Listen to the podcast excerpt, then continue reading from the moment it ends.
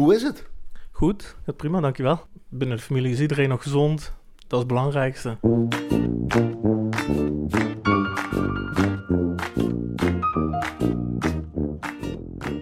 Hier in jouw koperblaasinstrumentenatelier in Geverik, gemeente Beek.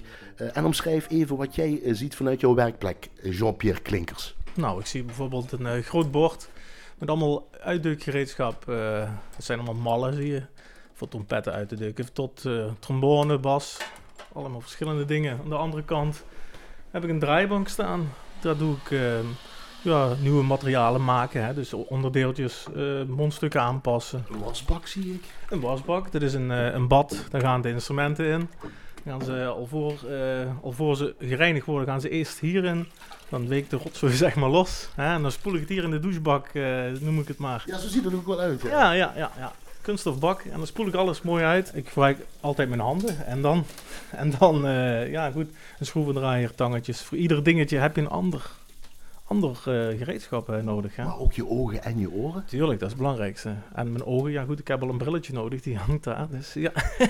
Want dat is detailwerk. Dat is goed kunnen kijken Ja, wat daar zit. Wel, je moet goed kijken, je moet goed luisteren, je voelt het. Hè, vooral met uitdeuken, als, ik, als je het over uitdeuken hebt. Ja, of een ventiel, je hoort, ja, dan heb je geen geluid nodig, geen nevengeluiden, zeg maar. Hè. Dus eh, je moet goed luisteren wat je, wat je doet en kijken. Ehm, dan is het bij jou eh, niet alleen maar één bepaald instrument. Het zijn alle koperblaasinstrumenten. Van piccolo trompet tot, ja goed, bastuba. Kijk, een horen, daar zit je met cilinders natuurlijk, het is heel gevoelig. Het zijn kleine cilinders. Ja, dat vraagt andere aandacht als een, een schuiftrombone. Een, een trombone is weer een heel ander instrument. Dus, eh, en een trompet, ieder, eh, ieder instrument heeft zijn eigen specifieke dingen. Dus je hebt elk instrument moeten onderzoeken. Ja, je, ko- je komt ook natuurlijk altijd weer andere eh, instrumenten tegen. Hè?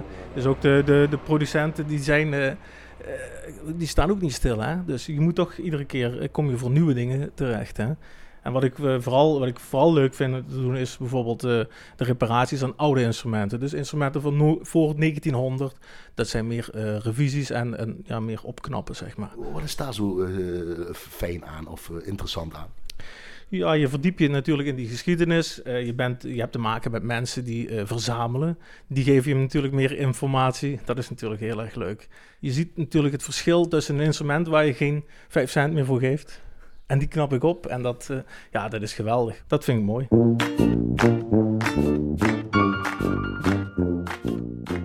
Je begint met een, een muziekinstrument te bespelen bij een vervaren, zoals in mijn, eh, mijn geschiedenis zeg maar. Wat speel je dan? Eh, hoofdinstrument is trompet. Oké. Dat is mijn hoofdinstrument. Eh, dus ja, goed, van daaruit eh, komt die interesse in een instrument.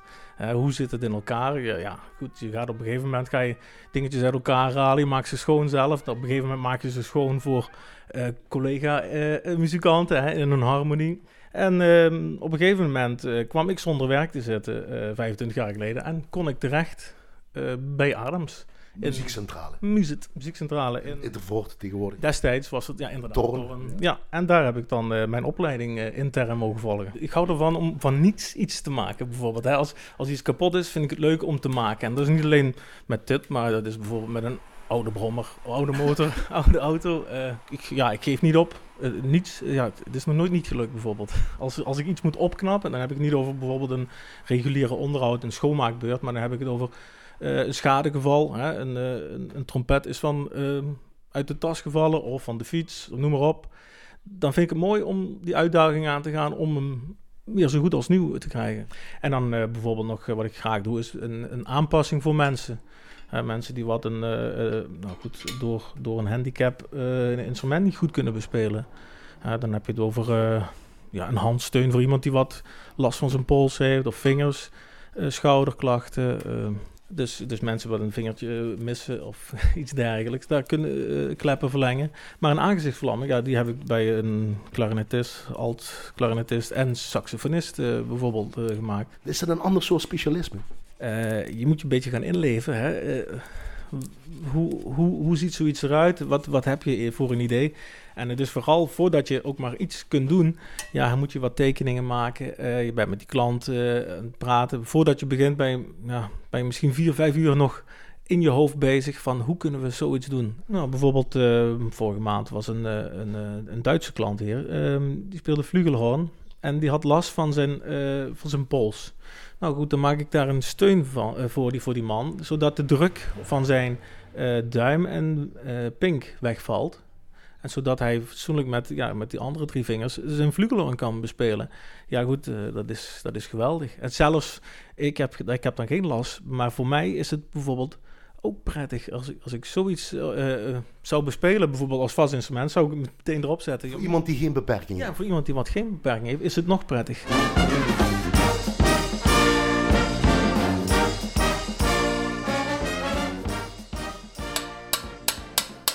Wat is belangrijk om aan zo'n beker bezig te zijn? Nou, je ziet bijvoorbeeld hier uh, de oneffenheden. Ja, dat zijn dus deuken. Er zit relief in, zal ik maar zeggen. Ja, er zit uh, relief in.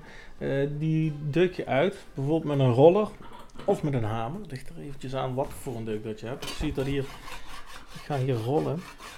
En dan rol je, als je goed kijkt, rol je daar. Zie je, die deuk is weg. Het is een ja, soort van... maar een, uh, een holle deegroller. En uh, ja, zo rol je ze zeg maar uit. En dit instrument dat moet uh, opnieuw verzilverd worden. Verzilverd, er komt een verzilverde coating eigenlijk. Hoor. Ja, het wordt elektrolytisch verzilverd. Hè. Kijk, dit, dit, moet er eerst weggepolijst worden. Het moet strak gemaakt worden, lichtjes geschuurd. Uh, dan moet je machinaal polijsten met, uh, met een harde polijsborstel. Dan met een, zachte. Dan wordt het instrument weer in elkaar gesoldeerd. Um, en dan wordt die opnieuw uh, verzilverd. Dus komt er een nieuwe zilverlaag over. Ja, dan is die trompet weer als nieuw. Het kloppen, ik dacht dat het veel harder, maar dat doe je een beetje zo Ja, zeker. je moet het wrijven, hè. Je moet het wrijven. Kijk, als je er recht mee slaat, dat, dat werkt niet. Je slaat het materiaal op. Dus je moet, je moet eigenlijk vegen. Je veegt het, hè. Ja, ja.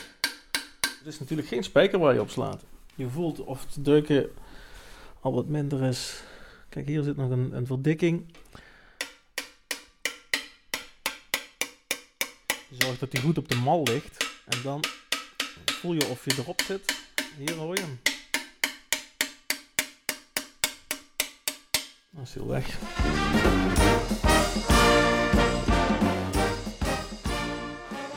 Ik ben zelf muzikant, dus je, ja, ik speel alle instrumenten speel ik na, zeg maar. Hè. Dus als ze klaar zijn, dan bespeel ik ze. Dan kijk ik of alles goed is, naar behoren.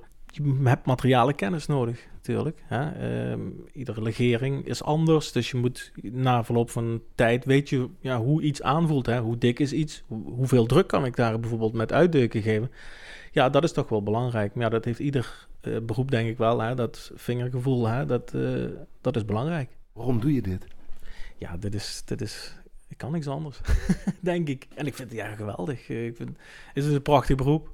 Ja, dat is, uh, ja, dat vind ik. Ik, heb, ik zit hier in een mooi atelier. En uh, hopelijk kunnen we ooit nog eens wat beetje groter worden. Qua ruimte dan. En ja, ik ben hier in mijn element. Ik ben hier met mijn hobby bezig. Muziek is mijn hobby. instrumenten zijn mijn hobby, is, is mijn hobby, zeg maar. Dus ja, dus, ik ben het hobby eigenlijk. Ja, ik krijg wel eens te horen van thuis, en is weer hobby.